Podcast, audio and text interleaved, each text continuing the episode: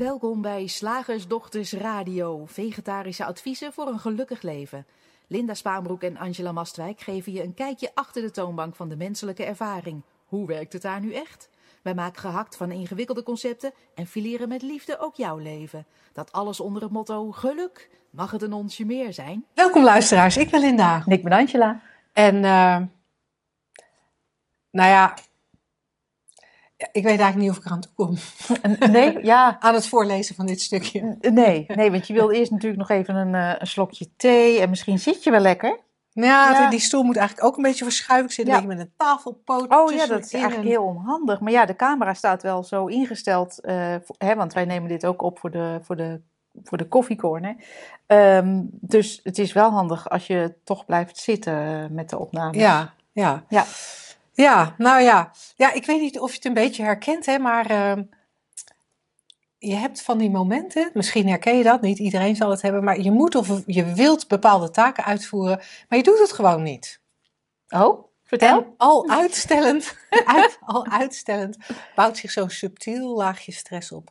Uh, en uh, en wij deden het net een beetje na van een klein beetje uitstelgedrag. Maar er zijn natuurlijk ook uh, uh, ja, mogelijkheden of, of, momenten waarop mensen vinden dat hun uitstelgedrag erger is dan wat wij net uh, ja, voordeden. Gewoon de post een half jaar niet openmaken of zo. Ja, hm. ja of denken van ja, ik wil toch echt een eigen bedrijf beginnen, maar er niet toe komen om aan een website te beginnen of zo. Ja. En ja, en ik, ik heb er eens op gegoogeld en er zijn best wel veel theorieën over de oorzaken van uitstelgedrag. Nou, spuizen maar. Om er een paar te noemen. Um, je stelt uit omdat je gebrek hebt aan korte termijn doelen. Je stelt uit omdat je te veel ballen in de lucht hebt. Je stelt uit omdat je te weinig motivatie hebt of te veel afleiding. Je stelt uit omdat je gebrek aan vaardigheden hebt. Um, je stelt uit omdat je teleurgesteld bent in anderen of je bent uh, juist bang voor je eigen teleurstelling als je wellicht gaat falen. Er is meer. Oh, maar ik dacht, we, we stoppen hier.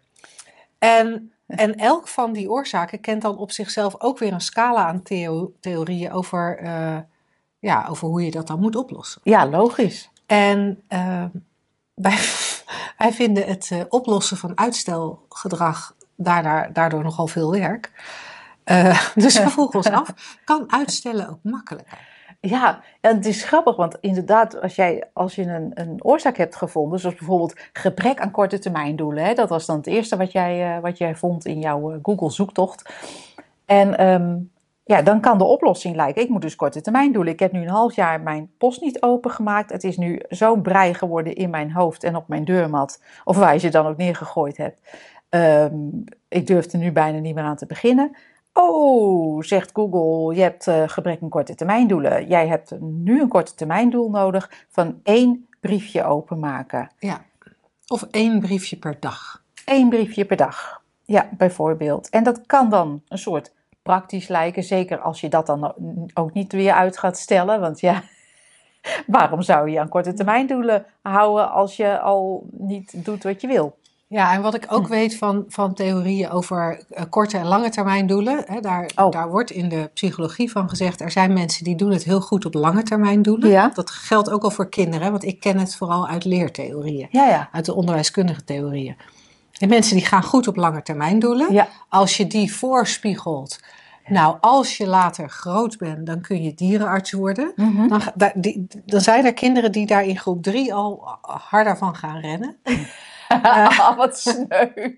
En dat kun je natuurlijk ook vertalen naar je eigen leven als volwassene. Het idee van, als ik straks met mijn pensioen, ja. dan wil ik genoeg geld hebben om een huis in het buitenland te kopen en daar een half jaar per jaar te, te zijn. En de andere helft van de tijd wil ik graag in een mega grote camper door Australië of Amerika reizen. Ik wil zo'n beetje alle continenten af. En dan ben je nu misschien 30, 35, 40. En voor sommige mensen werkt zo'n lange termijn doel. Daar gaan ze, daar gaan ze nu dingen van doen. Wauw. Er zijn ook mensen die van lange termijn doelen totaal lam slaan.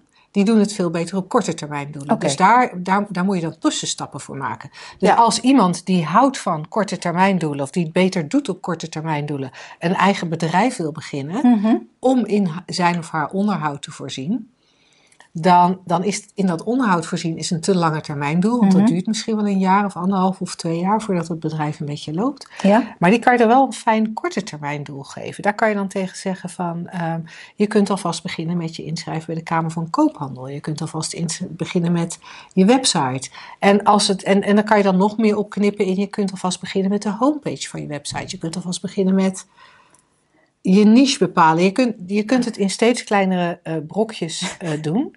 Je Maar- kunt alvast de eerste zin schrijven. Ja, maar moraal van het verhaal vind ik altijd, je hebt er blijkbaar helemaal geen zin in. Nee, want anders zou, het niet een, eh, zou je het niet uitstellen. Ik bedoel, als ik enorm zin heb in een ijsje en ik sta voor de, voor de ijssalon, of ik, dan, of ik pak mijn spullen op en ren naar de ijssalon, is er niets in mij die zegt van nou, ja, maar ja, ja, nou misschien morgen. Nee, ik heb zin in een ijsje. Ja, terwijl als je op de bank zit en je kijkt zo eens naar je partner. Hmm, tenminste, dat komt bij mij voor. Hè? Bij jou misschien niet. Misschien ben jij heel anders hierin dan ik. Maar ik kan zo wel eens naar hem kijken en zeggen... Heb jij trek in een ijsje? En dan zegt hij ja, nee. Want hij zegt altijd ja of trek in een ijsje. Ja, we trekken. Oh ja, ja, we zouden wel een ijsje kunnen gaan halen. Ja. Ja. Ja, maar moet dat heel eind lopen? Oh, Weet je, ja. en dan- En dan- dan, doe je het niet, Dan of doe- je stelt het uit. niet. Maar ik vind wel, als je bedacht hebt dat je iets moet doen, of het lijkt jou van, van boven, dat is misschien een helderder voorbeeld, van hoge hand te zijn opgelegd. Bijvoorbeeld, eh, je moet voor ehm, ehm, 31 maart je belastingaangifte Ja. doen. Hè, dat, zijn, dat is iets waar heel veel mensen eh, tegenop zien. En ehm, dat je, het, het heeft wel heel veel effect, dat zo'n idee in je hoofd. Want we dat- hebben het altijd over ideeën in je hoofd. Hè? Je wordt 's ochtends wakker, niks aan de hand, tralala. Je kijkt eens naar buiten, oh het regent. En dan ineens komt dat idee weer zo op. En dat lijkt jou dan te overvallen. Maar ehm, van, oh fuck, het is al 29 maart en ik heb mijn spullen nog niet. En waarom? En dan komt er ook daar achteraan zo'n heel verhaal van... Waarom, ik doe het, het toch elk jaar hetzelfde dat ik dat uitstel. En waarom nu weer? En, Weet je waar je dat ook veel ziet? Bij, Nou? bij jongeren Ja. die studeren of, of nog op Oh, de middelbare school zitten. Die stellen hun huiswerk uit, die stellen het studeren uit. Ehm, en ja, totdat op een gegeven moment de tentamen of de toets overmorgen is. of misschien zelfs morgen, of misschien zo meteen zelfs. Eh, en, dan, en dan leeft er het idee van ik had veel meer moeten doen om... Ja, en, en dat is grappig, want da- daar had jij het net ook over. En dat kan je dus zo'n enorme gedachtenstorm waar je in terecht komt van zelfverwijt of eh, ehm, opgejaagdheid. Dat kan leiden tot volledig lamslaan. Je hebt alleen nog maar gedachten en er komt niks uit je handen. Ehm, of het kan een, een enorme eh, aanjager zijn. Er zijn mensen die zeggen van, oh ja, nee, maar ik heb die stress nodig van morgen is het tentamen. Dat je ineens als een debiel aan het werk gaat, dus volgend op dat uitstelgedrag. Dat kan ook gebeuren. Wij willen graag één stapje voorbij deze twee scenario's. Wat, wat ik nou zo interessant vind, is dat uitstelgedrag, net, ik, voor mij klinkt het, is het net zoiets als wachten. Dat bestaat gewoon helemaal niet. Nee. Want uitstelgedrag is geen gedrag. Het is simpelweg, je, je doet iets. Of je doet iets niet. En uitstelgedrag is dan, je doet iets niet, maar je hebt het idee, een gedachte dus, dat je iets wel zou moeten doen. Maar we hebben het alleen maar over een idee in je hoofd. Ja. En dan is er nog steeds doen of niet doen, volgend op dat idee. Ja. Nou, en nog en een beetje analoog aan dat wachten. Jij zei van er is iets doen of er is iets niet doen. Ja, Ik denk dat bij uitstelgedrag dat je zelf zou kunnen zeggen er is iets doen. ja, Namelijk zitten op de bank, gamen, eh, ehm, lekker uit eten gaan, wakker je worden. huis schoonmaken, eh, wakker worden, eh, je huis verlaten, zodat je alle enveloppen niet meer hoeft aan te staren. Er, er wordt iets gedaan. Ja. Er wordt alleen iets anders gedaan dan in het hoofd bedacht is dat zou moeten. Ja, of er wordt iets, iets gedaan dat op de bank zitten met het idee dat er iets anders gedaan moet worden. Ja. En dan kom je, wat mij betreft, kom je dan ook best wel op een interessante mijmergebied. Want ik ken veel mensen die zeggen, ja, maar het moet toch? Je moet toch naar school? Je moet toch een diploma halen? Je, je moet toch de belastingaangifte doen? Je, Je, het moet gewoon, het kan niet anders. Ja, ja dat is inderdaad uh, heel veel gecommuniceerd zo. En dat nemen we dan aan als waarheid en, en dan wordt het ook heel ingewikkeld. En je kan dat natuurlijk heel leuk omdenken. Hè? Dat, eh, ik, dat hebben wij volgens mij vroeger allebei wel gedaan. Uh, dan ga je jezelf ontmoeten. Dan ga je net doen alsof je het wil. Ja. Ik wil Voelt graag, veel beter. Ik wil graag mijn belasting op Ik tijd wil- ja. inleveren. Ik wil graag op tijd beginnen met leren voor, deze, eh, voor dit examen. Nou, als je het dan vervolgens ook niet doet, heb je nog steeds een, eh, een misschien nog wel een groter eh, schuldgevoel. Want dan denk je dat je uitstelgedrag nog groter is. Of je krijgt, ja, of, het, of je krijgt jezelf zover. Het klinkt al echt volkomen schizofreen als ik dat zeg. Want wie krijgt wie dan zover? Mhm. Ik besta toch niet uit twee helften of zo? Of, nou ja, fysiek misschien wel. Maar ik besta toch, ik, het is toch niet zo dat ik twee mannetjes of vrouwtjes in mijn hoofd heb die tegen elkaar staan schreeuwen van je moet eh, de belastingaangifte doen. En de ander, nee, ik heb geen zin. Het zijn allemaal simpelweg gedachten. Maar we beschrijven het net alsof het een soort entiteiten zijn. En alsof er een ik is die een zelf moet dwingen ergens toe. Of een ik is die moet omdenken zodat een zelf actie gaat ondernemen. En dat uitgangspunt klopt gewoon niet. Dat kan veel simpeler. Voordat we daar naartoe gaan, kan Ja. ik nog eventjes toch een beetje meer op het psychologische niveau van die Ja. drie principes waar wij graag over praten, blijven, eh, nog even blijven hangen. Want als je het over uitstelgedrag hebt, ik, ik zat terwijl ik naar je luisterde ook een beetje eh, met, met die voorbeelden van bijvoorbeeld de Belastingdienst of een tentamen niet leren, maar er zijn natuurlijk heel veel vormen van, van uitstelgedrag. Ik krijg toch het idee dat dat eh, op psychologisch niveau dat uitstelgedrag ontstaat doordat er heel veel bijgedachten zijn. Ja, Ehm, en, en, en ergens daar straks in mijn verhaal over die korte en die lange termijn doelen eh, noemde ik er daar misschien wel een aantal van. Hè, als het gaat om eh, niet beginnen aan tentamens, kan daar zomaar de bijgedachte bij zitten. Ik kan het toch niet. Ehm, daar kan de bijgedachte bij zitten. Ik heb er geen tijd voor. Daar kan de bijgedachte bij zitten. Ik vind dit echt zulke stomme stof. Ik vind het echt zo zinloos. Daar kan de bijgedachte bij zitten. Ik wil deze studie eigenlijk niet, maar ik heb, ben eraan begonnen. Oh. Mijn baas heeft er ook nog voor betaald. Dus ja, ik moet wel. Ehm, ik, de- had ik al genoemd de bijgedachte, ik kan het niet? Ja, die had ik geloof ik Ja, al genoemd. Of, en, of- en de, eh, mis- misschien ook de bijgedachte, dat vind ik eng. ja. ja. Dat vind ik ook een hele, een hele leuke. En niet als je hem voelt en denkt, maar, maar gewoon al- als, als voorbeeld van wat we allemaal niet, waar we allemaal al niet mee bezig zijn. En Zonder dat door te hebben. zonder het door te hebben. En hoeveel energie daarin gaat zitten. Ja, en ik, ik weet nog, ik, ik heb eh, ooit toen ik heel jong was in de WHO gezeten. Mhm. En eh, dat ik in de WHO zat was natuurlijk al vervelend, want het betekende dat ik lichamelijk niet in staat was om eh, te werken. Ja.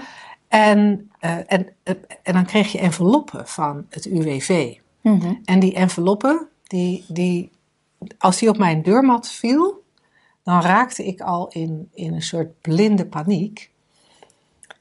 En daar, ik vind dat een mooi voorbeeld van dat je kan zien van een envelop op je deurmat. Dat is niet een hele bijzondere, is niet een heel bijzonder evenement. Zeker toen niet. Hè? Nee, toen kregen we nog is- veel post. Nee, En een, eh, het is eh, niet een, eh, een, een hoe heet het, een handgranaat met de pin er al uit of zo. Dus daar hoef je niet van in paniek te raken, een envelop op je deurmat. En het feit dat het een envelop is met destijds volgens mij een blauw logo, als ik het me goed kan herinneren, ehm, dat, is, dat is ook nog niet het probleem. Maar wat het, wat het probleem was, dat die envelop, die representeerde voor mij angst dat ik mijn uitkering zou kwijtraken, terwijl ik fysiek niet in staat was om te werken. Als ik mijn uitkering kwijt zou raken, zou ik mijn huis uit moeten. En hij representeerde ook de angst van op bezoek moeten bij, eh, misschien wel op bezoek moeten bij een keuringsarts. Ehm, want ik zag er ook toen altijd al heel blozend uit. dus hoe, hoeveel pijn ik ook had, je kon aan mijn gezicht, dat kon je aan mijn gezicht heel slecht zien. Ehm, dus die envelop, ja, je zou kunnen zeggen, die triggerde heel veel denken. En zo kan het idee van een belastingaangifte en alles wat jij daar fout zou kunnen doen en hoeveel geld je misschien moet gaan betalen. En dat je eigenlijk toch al niet geld genoeg hebt. Weet je, al dat, dat je misschien per ongeluk fraudeert. Nou, Ja, dat is oh ja, tegenwoordig dat ik ook helemaal een toestand. En, ja. en, en dat soort gedachten kunnen allemaal meekomen met in dit geval een blauwe envelop op je, op, op je deurmat. Ja. En dat vind ik wel ook interessant om te kijken of je daar iets van kan herkennen. Ehm, niet omdat je je gedachten moet uitpluizen, hè, want daar, daar zijn gedachten gewoon veel te vluchtig voor. Maar soms kan het wel eens leuk zijn om nieuwsgierig te zijn van... hé, hey, als ik zo uitstel, dat, dat, het ding wat ik uitstel... Er, zitten daar veel bijgedachten bij? ja. En, en als je concludeert, ja, daar zitten veel bijgedachten bij. Ja, misschien conclu- concludeer je wel dat er veel angst zit. Misschien concludeer je wel dat je het eigenlijk gewoon niet wil. Dat je die Dat studie kan ook, hè? niet wil. Dat kan ook. Maar wat het ook is dat er bij je oplopt. En nogmaals, ga er niet zwaar naar zitten zoeken en zwaar zitten graven. Hè, maar er een beetje nieuwsgierig naar zijn en kijken of er iets oplopt. Zou heel goed eh, eh, kunnen werken. En als er dan iets oplopt, dan zou het zomaar kunnen zijn dat er iets verschuift. Want als er oplopt, "Oh, ik ben eigenlijk onwijs bang om te falen. Ja. Dan, dan, dan weet je dat je tegen die angstige gedachten aan zit te kijken. En als je weet, voor mij zit er iets verhelderends in weten tegen welke gedachten je aan zit te kijken, omdat dan de volgende stap komt. Ja, waar jij er straks al naartoe wilde. Ja. Want, wat, waar kijk je dan eigenlijk tegenaan? ja, een wereld van denken. En daar kijken we altijd tegenaan. Alleen realiseren we ons dat niet. En omdat we ons dat niet realiseren, ehm, ehm, ja, krijgen we zulke termen als ja, uitstelgedrag en, en nou ja, alles waar we het net over hadden en ingewikkeld gedoe. Maar als we ons wel realiseren dat we tegen een wereld van denken aan zitten te kijken, ehm, dan, dan verliest het wat mij betreft zijn, zijn, ja, zijn zwaarte zou je Mhm. bijna kunnen zeggen. Of zijn echtheid. Of zijn, al, al heb je maar een klein beetje twijfel aan, aan, dat, ja, aan die wereld van denken. Dat kan al heel veel schelen. En toen ik naar je luisterde, dacht ik eh, aan de uitspraak van Sidney Banks, een van zijn beroemdste, van als mensen alleen maar zouden leren om niet bang te zijn voor hun ervaring, dat zou de wereld al veranderen. En als je weet dat je ervaring altijd uit denken bestaat, of eigenlijk uit drie principes, hè, denken en het bewustzijn animeert dat, en dat wordt beleefd dankzij het feit dat je leeft. Dat zijn die drie principes eigenlijk op een rijtje.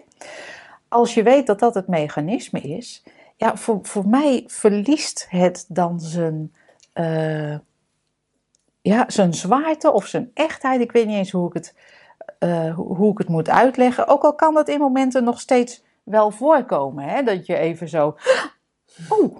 Nou zat ik hier toch echt even in een, in een ehm, ge- gedachtenstorm. Of, of werd er hier toch even iets serieus genomen, zeg. En als je realiseert dus dat we altijd tegen denken aan zitten te kijken en dat, we dat, ook, dat dat ook is wat gevoeld wordt, dan kan er al wat ruimte in komen, wat lossigheid inkomen, wat, wat, wat minder angst en onzekerheid. Want ja,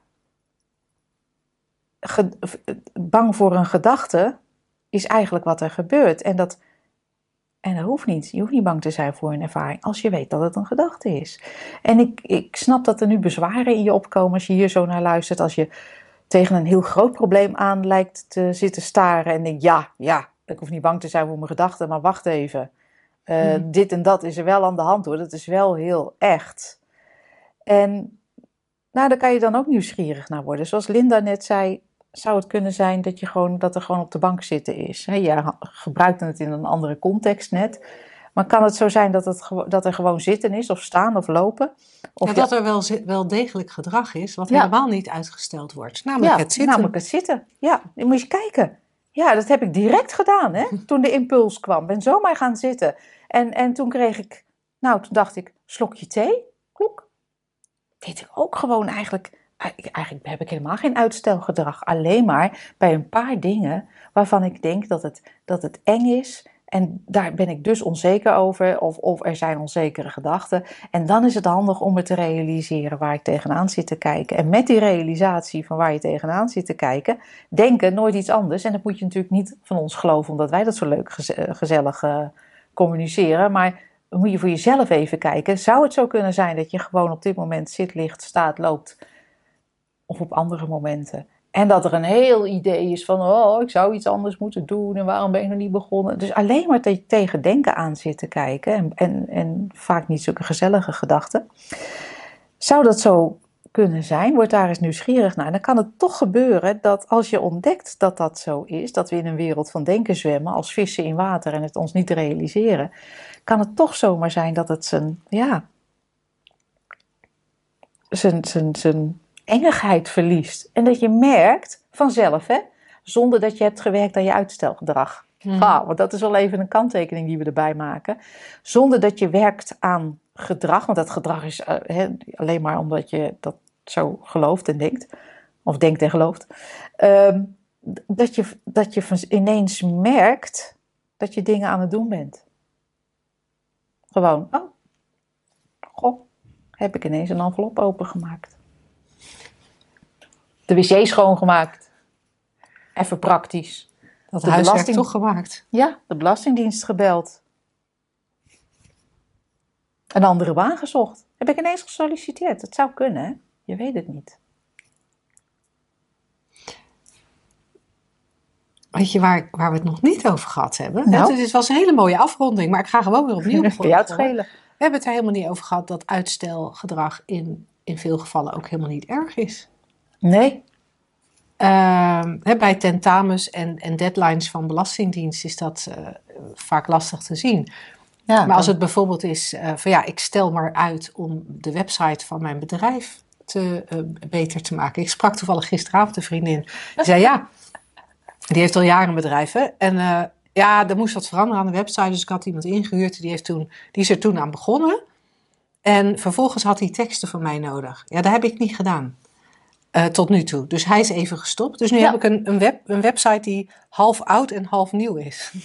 En nou, dat noemde zij ook uitstelgedrag. Grappig, hè? Maar ondertussen zei ze: Ik heb het zo druk, ik krijg zoveel klanten. En ik moest er wel om lachen. Die website maakt dus niet uit. Nee. Nee, eigenlijk maakt het niet uit. Maar, Grappig, hè? ik, maar toch vind ik het vervelend dat ik hem uitstel. Ah, dat is grappig. Dit is echt gewoon Want- een idee in je Want, hoofd. want blijkbaar is het helemaal niet nodig. Nee. En zo kunnen we ook wel dingen zeggen als van... eh, ja, ik stel het alsmaar uit om mijn vakantie te boeken. Ik denk dan, nou blijkbaar is nu gewoon nog niet het moment om de vakantie te boeken. Nee. Op enig moment komt die impuls wel. Ja. Ja, ik, ik breng het ook vaak, en dat klinkt als, als platslaan, maar als je, als, je, als je goed kijkt is het gewoon ja, heel gewoon eenvoud. Je doet iets of je doet het niet. En voor sommige dingen die niet gedaan worden, ja, zijn er blijkbaar consequenties. Ja, dan moet je daar iets mee doen, of niet. Het is zo simpel. Leuk. Ja. We gaan naar de vraag. Zeg, slagersdochters, hoe bak ik die vegaburger? Over naar de luisteraarsvraag. Vandaag hebben wij een vraag en die vraag is gestuurd naar vragen.slagersdochters.nl. We krijgen jouw vragen ook heel graag. Ehm, en de vraag is: Mijn partner, eh, van, ik, ik zit even te stotteren, want degene heeft gevraagd om de naam niet te noemen. Ehm, dus daar, moet, daar zat ik even over na te denken. Ik, had even, ik, ik stelde het even uit hè, om de vraag te Ja, noemen. ik merk het. Mijn partner is uit contact gegaan. Wat moet ik nu? Ja. Goh, daar hebben we een hele tijd geleden volgens mij ook een keer in een radioshow een vraag over gehad. En dat was echt een, nou ja, je zou kunnen zeggen, extreem iets hè, van jaren samen en ineens gewoon alle eh, contact verbroken. Of, of ja, verbroken. Ja, en dat was Is- toen in verband. En, to- en toen werd Ja. de link gelegd met autisme, Autisme, geloof ik, of ja. narcisme, een van de twee. Ja, en dat was ook nog, ja, het was ook, ook in verschillende landen. Dat je niet Ja. denkt van, nou ja, ik ga gewoon even langskijken, ding dong, hoi. Gaat het wel goed met je? Eh, dus dat was een vrij extreem geval. Maar ik denk dat we het allemaal wel kennen. ehm, en het hoeft niet eens een liefdesrelatie te zijn, maar ook misschien, ehm, nou, familierelaties. Ik heb ook een broer en zus die totaal uit contact zijn gegaan, zou je kunnen zeggen. Ja. Ja, dat, dat, dat kan voor, voorkomen. ja, en in mijn ogen is dat, is, is dat dan toch anders. Ik weet dat het in Oh de basis hetzelfde is. Vertel. Maar dat ziet er voor mij toch anders uit, omdat iemand die eh, in een, ergens anders woont, in een andere woonplaats in jouw geval. Ja, Eh, die, die loop je niet zomaar tegen het lijf. En die, die, dat is ook niet iemand waarvan je gewend bent dat hij eh, dat veel je- naast je ligt. Ja, en dat hij veel in je, in je dagelijks leven is. Ja. Op het moment dat het een partner is die bij jou in huis woont, Mhm. waar je samen mee in een bed slaapt. Ja. En, en in plaats van tegen je aan te komen liggen, wat jullie al jaren doen, eh, kruipt hij of zij naar zijn of haar kant van het bed. eh, s- S'avonds en blijft daar liggen. Ehm, zit op de bank, zegt niks. Als je vraagt, wat is er lieverd? Wordt er gezegd, nou nee, niks. Of er wordt gezegd, ik wil alleen zijn. Ja. En terwijl je gewend bent dat je samen eet of even vertelt over de dag of samen een filmpje kijkt, hè, geen idee wat de gewoontes zijn. Maar als daar schijnbaar ineens Mhm. een verandering is. Ja. Ja, wat weet ik- niet, voor mij, ik, ik, ik- sorry, maar voor mij voelt dat als voelt een andere impact. Ja, nou, ik kan me voorstellen dat je dan eh, dat, tenminste, dan moet ik mij verplaatsen in de vragensteller. Hè? Maar ik kan mij voorstellen dat, ehm, dat daar heel veel angst bij komt kijken of onzekerheid. Mhm. Invulling ook. Als de ander zegt van nee, er is niks aan de hand, maar wel eh, zijn mond dicht of haar mond dicht houdt. Ehm, dan kan ik me voorstellen dat er aan deze kant, van degene die wel contact zoekt, communicatie wil, heel erg veel invulling plaatsvindt. Van "Ah, wat gebeurt hier en gaat het nu mis en hoe kan dat nou en het was zo gezellig en nu. En dan merk Wat je heb dat ik je, fout gedaan? heb ik fout de gedaan? en ik noem dat wel eens omdat ik het ehm, en even voorbij schuld, hè, want dat zit hier nooit in.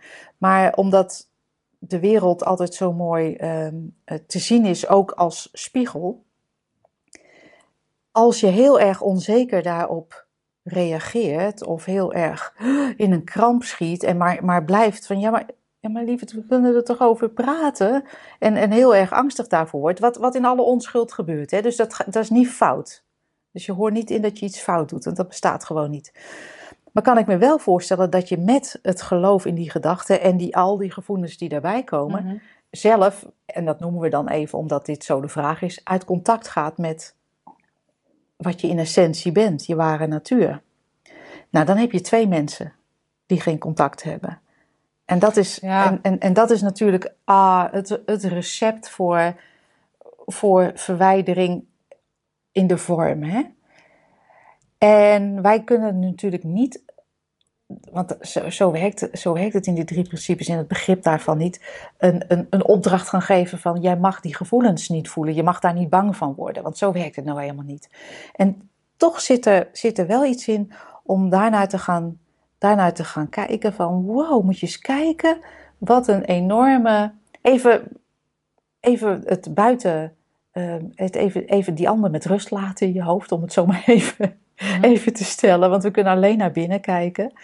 En, en een ander uitgangspunt zoeken voor, voor de communicatie en voor het samen zijn.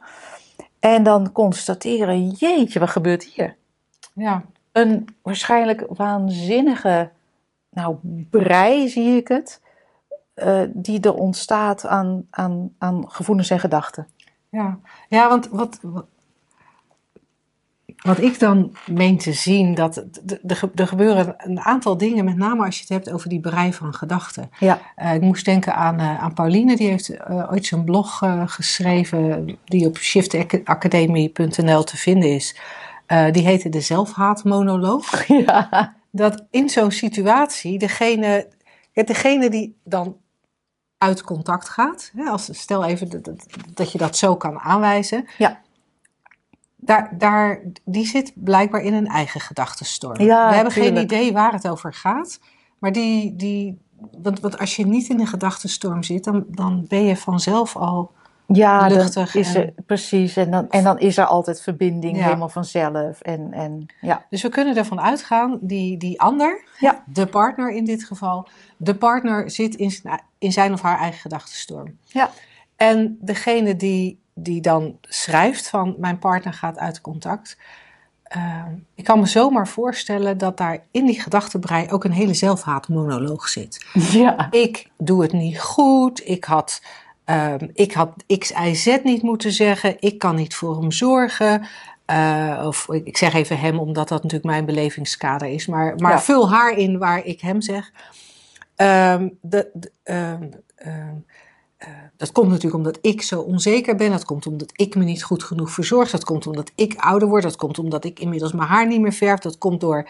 Nou, de, de, Ik ben saai, ik ben, eh, eh, hij is op me uitgekeken. of, of, of ik ga te veel naar buiten. Of mijn carrière gaat te goed. En, Of te slecht. Met je, zo'n, zo'n, zo'n zelfhaatmonoloog kan alle kanten op. ja, maar die gaat wel altijd over, over jou. Ja. Hè? De, de, de, de Ik- achterblijvende partner. Ik raak die ander kwijt, daar kom ik nooit meer overheen. Ik dacht dat het zo leuk was. Of juist, ik had toch Piet moeten kiezen in plaats van Kees. Ik zeg maar even wat. Ja. En naast de zelfhaatmonoloog zit er, zit er ook nog iets anders. Dat is toevallig ook een, een term van eh, Pauline. Eh, er zit ook het catastroferen in. Ja. Het, het gedachte van een steeds ergere omvang. Ja. En dat catastroferen dat is grappig, want ik weet niet of ik dat in de radioshow wel eens genoemd heb, maar toen, toen mijn kinderen klein waren, en Pauline is mijn dochter, ze schrijft artikelen voor ons, eh, voor Shift Academy, omdat ze ook facilitator is, maar ze is ook mijn dochter. En Pauline, eh, toen, Pauline en haar broertje klein waren, eh, dan, dan deden we wel eens aan de keukentafel als we zaten te eten, dan ontstond er catastroferen. En dat zag er dan uit als, als ik nu per ongeluk mijn vork op de grond laat vallen. En hij komt per ongeluk op het hoofd van de kat. Dan rent de kat misschien wel heel hard door het kattenluik. Misschien breekt dat kattenluik dan wel. Dan vliegen de brokstukken van dat kattenluik eh, tegen het tafeltje dat buiten staat. Ja, en dat is een heel gammel tafeltje, mama. Dus dan valt dat tafeltje om. En als dat tafeltje omvalt, dan komt hij tegen een boom. Als die boom ook wankel staat. Er waren heel veel mits en maren. ja. Maar dan uiteindelijk, dan catastrofeerde dat naar dat het hele rijtje waarin wij wonen zou instorten. Of Ja. dat alle schuttingen tussen alle huizen zouden, zouden instorten. Nou, je hoort al aan dit verhaal, het slaat echt helemaal nergens op, want een kattenluik kan dat tafeltje niet omgooien. En dat die, tafeltje kan was nog helemaal niet gevallen. Nee, en dat tafeltje. En als die wel zou vallen, nou ja, weet je, dan de kans dat die op het hoofd van de kat zou komen. Maar in dat catastroferen, dat was heel leuk om daar een steeds groter. Nou ja, weet je, dat zeg maar alles, alles ging dan fout en ook heel erg. Ja. En als je dat aan de keukentafel doet, met zo'n voorbeeld als wat ik zei, is dat heel leuk. Ja. Maar Pauline constateerde jaren later, toen ze bezig was met de facilitatoropleiding, constateerde ze, god, dat catastroferen wat wij vroeger deden als leuk aan de keukentafel, dat doen heel veel mensen ook gewoon, gewoon over zichzelf, over hun eigen leven. Ja. Dus op het moment dat je, dat je partner uit contact gaat, ja. start het catastroferen. De media is er ook heel goed in. de media zijn ook heel goed Ja, in. nee, het is nu wel de besmettingen dalen. Maar de Delta-variant, dames en heren. En straks gaat het. Oh, en mensen gaan op vakantie en dan komen ze terug met die variant in hun koffer. Ik weet niet hoe je dat moet herkennen, maar in ieder geval koffer open. Shit, dat springt daar uit. De Delta De variant. Delta-variant. Voor je het weet zit die in je neus en in je longen. Eh, maar de media is daar ook altijd heel erg goed in. Ja, Met klimaat, met alles. ja, ja, politiek is er ook steeds Politiek, beter in. Dat, ja, dat, eh, Echt, echt. We, we, we smullen van, van het drama wat in de toekomst komt. Tenminste, we Ja. denken, nou ja, smullen. Het is eigenlijk, eh, we lijden eronder. Maar goed. Ja. ja, dus de zelfhaatmonoloog en het catastroferen starten vrij direct Ja, nadat we geconstateerd hebben, mijn partner is uit contact. We hebben misschien gevraagd, schat, gaat het goed met je? ja. Ja, en dan, eh, ze zegt dus alleen maar gewoon ja, Ja. hè? Op Maar deze ik toon, heb- hè? Hoor je heb- de toon? Ik heb even, even een momentje, even rust nodig. Hoor je de toon? En dit is dus al de tweede keer deze week, hè? Laat mij nou maar. Nou, je hoor je, die- weet je, Ja. Het catastroferende zelfhaatmonoloog beginnen. Dat vind ik heel erg interessant op, op weer dat psychologische niveau. Hè. Wij, wij, Ja. wij zien meer en meer en meer dat je die drie principes eigenlijk op een psychologisch en een meer universeel niveau kunt bekijken. En op psychologisch niveau vind ik dit hele interessante elementen om, Ja. om te herkennen. Om te herkennen dat het grootste, zo niet alle ellende, aan jouw kant plaatsvindt. En dat je, als je eenmaal in de zelfhaatmonoloog zit, of als je aan het catastroferen bent, of een combinatie van die twee, dat je ook alleen maar bewijs ziet voor Ja. wat er in je opkomt.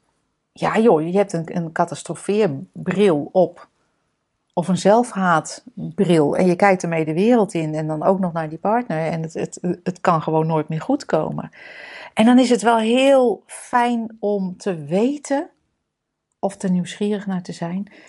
eh, dat er gewoon een heel ander uitgangspunt is. Ten eerste, dat je je kunt realiseren ook. Hè, gegeven dat, dat elke ervaring voor iedereen, voor ieder mens op aarde, in elk moment, dus dat is echt continu, eh, eh, ja, vorm krijgt door het samenspel van die drie principes.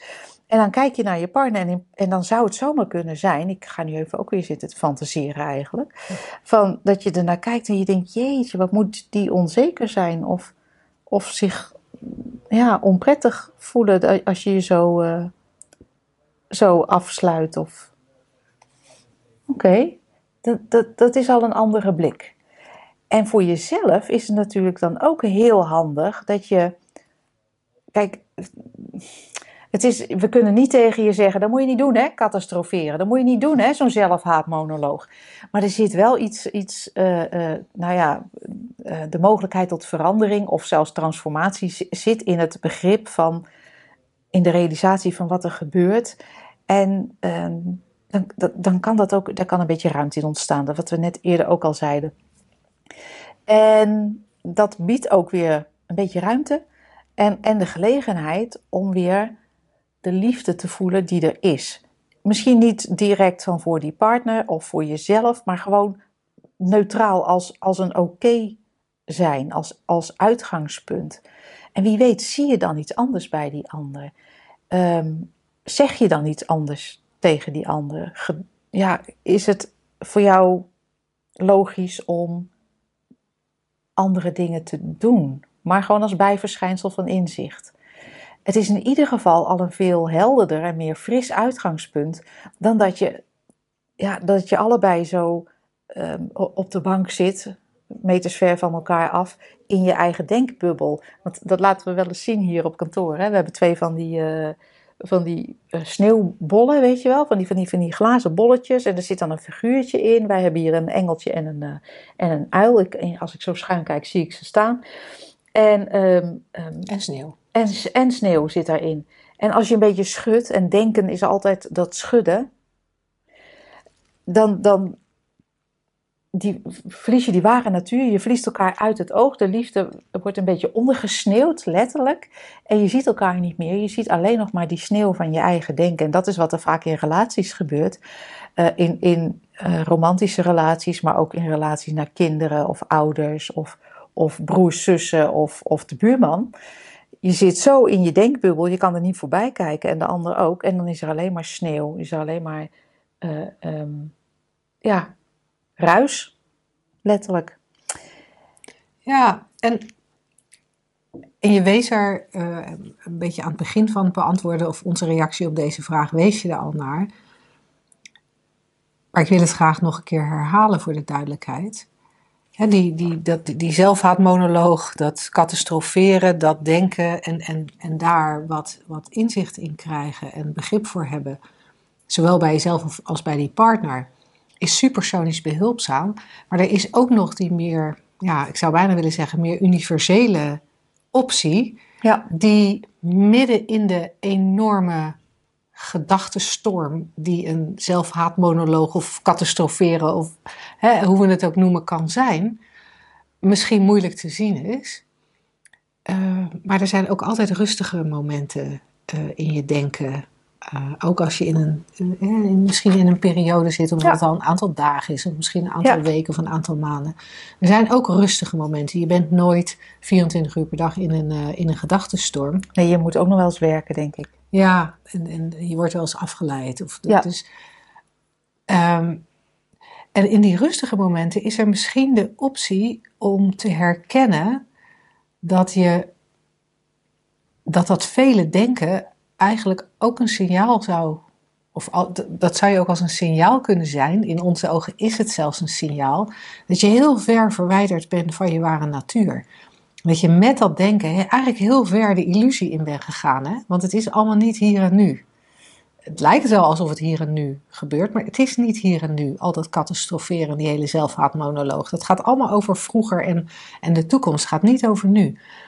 En als je gaat herkennen dat, dat, je, dat er ondanks al dat denken, dat er altijd, altijd, altijd ergens een, een stille kern is, of ergens altijd een, ja, een gevoel van oké zijn of een kern van oké zijn. Je zou het kunnen vergelijken met de oog van een storm. Weet je, in zo'n storm raast van alles. Als het een tornado is, wordt er van alles opgepakt aan afval en papiertjes. En, en dat, dat tolt rond in die tornado. Dat zou je kunnen vergelijken met al jouw gedachten. Maar in het oog van de storm is het altijd rustig. En dat is bij ons ook zo. En, en daar, daar is iets magisch er gaat iets magisch uit van, van dat herkennen. Op sommige momenten, hè, want ik, ik, het is mij nog nooit gelukt om daar voortdurend mee in contact te zijn. Maar, maar er is wel de mogelijkheid om het te herkennen. Oh, wacht eens eventjes. Ik zit steeds maar in die gedachtenwereld, die eigenlijk heel erg illusoir is. Want ik verzin echt de grootst mogelijke bagger. Ik weet dat het niet, in, de, in mijn rustige momenten weet ik dat het niet waar is. Dat ik mezelf beter voor een trein kan gooien. Maar in zo'n catastrofeertoestand kan het zomaar opkomen of kan je het zomaar roepen. Ik weet, ik weet dat het allemaal onzin is. En, of grotendeels onzin. Dus dat, dat toont het illusoire karakter van dat denken wat mij betreft ja. al. En als je daar iets van ziet, van oh dat denken is niet zo waar als het lijkt. Wat is er wel? Altijd. Ja, wat is er wel waar? In goede tijden en in slechte tijden is er, is er iets wel waar. En, ja, het oog van de storm, dat is eigenlijk ehm, hè, wat jij noemt, dat is een hele mooie metafoor. Het oog van de storm, waar, waar, waar het ultiem stil is en waar niets is, dat is eigenlijk je ware natuur. En, ehm, en we omschrijven dat inderdaad zo van dat je daar ver van afraakt of dat die ondergesneeuwd raakt. Maar je kan er niet los van, want anders zou je niet leven. Dus als je, als je ademhaalt, dan kun je ervan op aan, als je hart klopt, dat, dat dat je ware verbinding is. Dat je daarmee in verbinding bent, dat je daar een uitdrukking van bent, of hoe je het ook wil noemen. En dat dat altijd aanwezig is, hoe groot die tornado ook is. Er is altijd een oog en dat oog, je ware natuur, ja.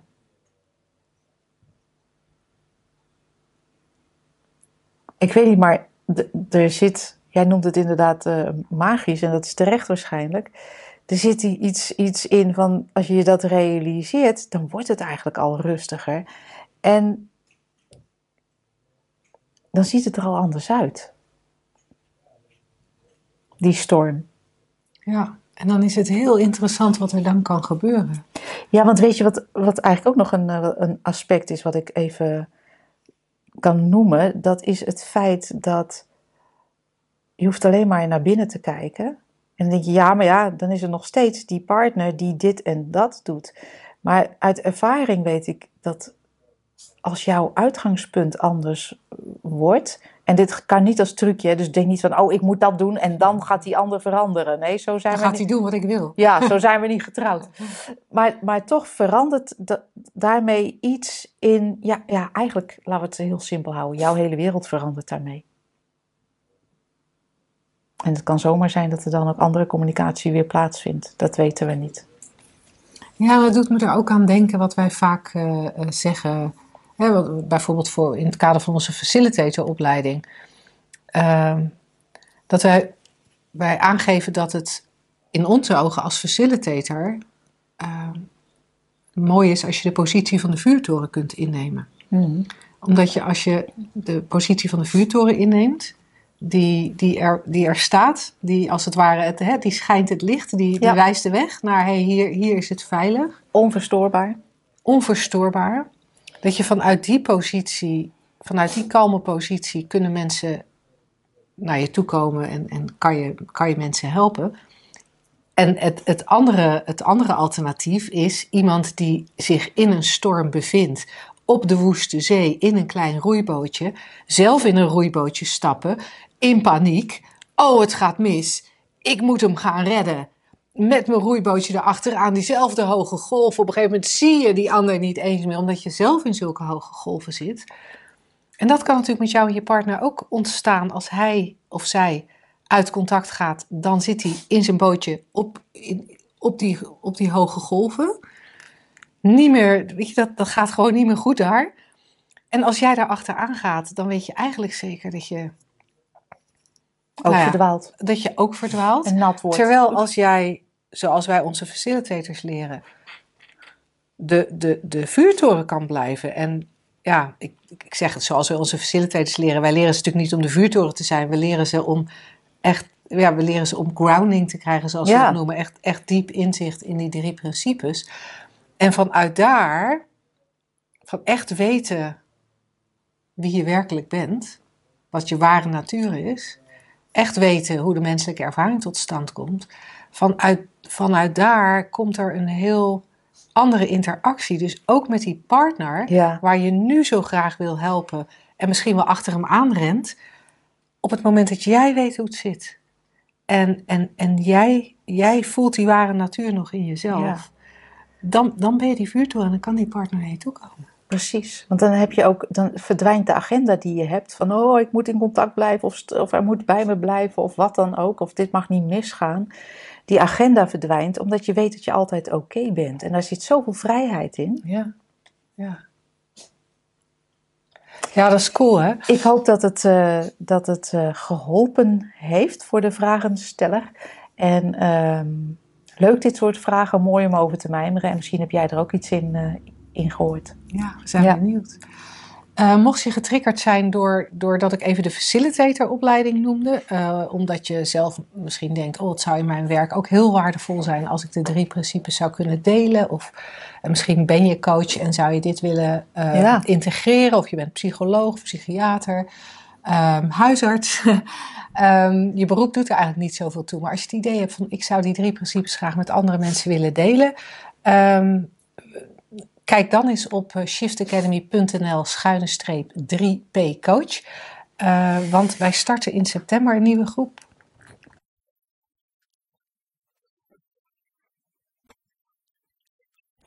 Een eh, leuk concept vandaag. Eh, ook van Rob. Rob, Rob, was, Rob en Suzanne zijn onze grote aanleveraars Ja, van ja. concepten. Zijn wij ontzettend dankbaar voor. Dankjewel. Ehm, kind, ja? je bent altijd zo jezelf gebleven. Ja, hè? En eh, wat ik het grappige van deze vind, is dat ik me zomaar voor zou kunnen stellen dat je het, dat je het als luisteraar niet eens als concept herkent. Dat je denkt, nee, maar dat is toch zo? Er zijn toch mensen die zichzelf blijven en er zijn mensen die zich anders gaan gedragen. Ja, of dat je denkt, met, met mezelf gebleven. Nou, ik, ben, ik heb toevallig een enorme transformatie doorgemaakt. Dat jij mij nog hetzelfde ziet. Dat zit gewoon, je hebt gewoon stront in je ogen. Ik ben hartstikke veranderd. Ja. Geinig, hè? Ja, het is altijd eh, leuk om je af te vragen over welk zelf hebben we het dan. Als je zegt, jij bent jezelf. Ik denk dan altijd, dan hebben we het echt expliciet over, de, over wat we waarnemen in de vorm. Ja, En wat we, ja, zeg maar, de gedachten die er zijn. Want ik vind jou jezelf gebleven als ik eerst een setje gedachten heb eh, eh, gehad waarmee ik jou heb gedefinieerd. Mhm.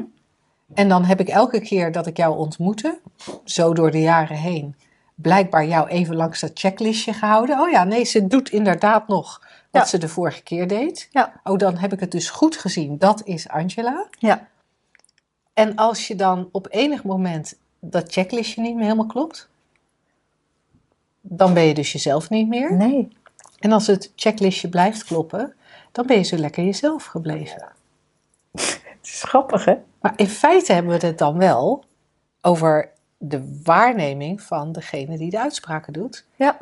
En van waarneming weten we ook in de, in de, in de psychologie dat waarneming is, die, die, die klopt gewoon helemaal niet. Hè? Dan wordt de term bias genoemd. Waarneming is altijd biased. Biased, biased. Ik weet niet Ja, het vooringenomen. Dat is partijdig, ja. En, en het is ook altijd, we, we, we zoeken steeds naar de herkenning. Ja, Dus we zoeken steeds naar het bekende. Waardoor we ook heel makkelijk gedrag van jou wegfilteren dat niet past in ons plaatje. Of dat we juist heel erg vooringenomen zijn ten opzichte van het gedrag dat afwijkt. ja. En dan gaan we zeggen, ja maar, ja, maar jij dronk toch altijd cola?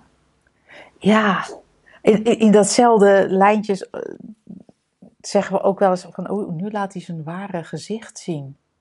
Of, je moet je ware gezicht eens laten zien. Maar we weten eigenlijk helemaal niet waar we het dan over hebben, want we gaan er dan uit. Het plaatje wat jij noemt, een, een karaktereigenschap, is ook maar een idee. Dat, dat er een ware karaktereigenschap is en een niet een, een, een gemaakte karaktereigenschap. Van ja, je doet wel vrolijk, maar eigenlijk ben je zo depressief als te neten. Dus je laat niet je ware gezicht zien. Je bent wel een clown, maar je bent van binnen heel erg droevig. Terwijl, en dan, hè, dan maken we ook nog onderscheid tussen wat er eh, eh, getoond wordt en wat er gevoeld wordt. En die drie principes vind ik heel mooi. Die brengen dat eigenlijk allemaal helemaal makkelijk terug tot simpelweg dat er in elk moment een ervaring is. En die is zo eh, dat gegeven is heel simpel. Er is een ervaring bestaand uit denken, bewustzijn en eh, energie. Ehm, maar dat maken we zo complex. Van ja, maar ik zie dat bij jou. En dan hebben we niet eh, de realisatie dat er simpelweg kijken is. Kijken door het filter van het denken. Ja, ja dat, we kunnen niet anders. Nee, we kunnen niet anders. En, maar, maar daar zit voor mij wel een hele interessante. Ja, dat we dat denken steeds maar willen inkaderen en vastleggen. Hè? Wat wij denken over een ander, zo is hij. Ja, maar en dat we het ook geloven. En geloven het ook nog. En dat we ook dan geloven dat onze waarneming de juiste is. Ja, we nemen daar ki- kinderen en, eh, mee, voor mee naar de psycholoog. Want ja, ik neem, neem waar dat dit kind is gewoon nog niet... eh, ja, hij is heel onzeker. Eh, dus kunt u er wat mee doen? Ja, ik neem waar dat dit kind snel boos wordt. Kunt Ja. u er iets mee doen? En ja, dat vind ik. Ik heb toevallig de laatste tijd eh, regelmatig eh, contact met een eh, kind dat omschreven wordt als een boos kind. Ja. En wat ik fascinerend vind, dat hij van de 24 uur misschien 10 minuten boos is. Hij is 23 uur en 50 minuten niet boos. Misschien wel 23 uur en 55 minuten niet boos. En we En schrikken ons hij- het En toch wordt hij van een het boos kind genoemd. Ja. We schrikken van een ervaring. En we denken, ah, hier moeten we wat aan doen. Het is echt, ja, als het niet zo sneu was voor onze kinderen, want dat vind ik echt wel, hè, dat eh, een van onze trainees zei in de laatste shiftdag waarbij zij aanwezig was, er wordt, er wordt gestempeld voor geld op scholen. En Nou, het erge was dat dat gezegd werd door, door een organisatie ja, die de stempels uitdeelde. Stempelen voor geld. Nou ja, dat was misschien in de tijd dat dat zo werkte in Nederland als je werkloos eh, was. Hè, dat je moest gaan stempelen en dat je dan een uitkering eh, per gulden kreeg. Maar d- dat is wat we met de kinderen doen. En ik snap dat dat mijn waarneming is, maar ik vind het eh, vrij pijnlijk. Ja. En als we het weer even neutraler maken, Ja, jezelf blijven, kan helemaal niet. Want jezelf, wat, wat, wat, wat we jezelf noemen, is een voort- voortdurend, voortdurende, veranderende stroom van gedachten. ja, en wie je echt bent, is de ruimte daarachter. En die is niet te definiëren, dus die kan je niet blijven. Nee, dat dus is wat je altijd ja, al bent. die Oog van de storm. die kan je niet Ja. eens aanwijzen. Nee. Nou, hebben we dat ook weer leuk eh, door de gehaktmolen gehaald. we hopen dat je ervan genoten hebt, deze uitzending. Ehm, we zien je graag, misschien, misschien 2 juli hebben we nog een, eh, een shiftdag. Dat is de laatste voordat we een zomerstopje inlassen. En er komt nog waarschijnlijk een theatershow, hou dat ook in de gaten. En anders eh, tot volgende week. Doeg!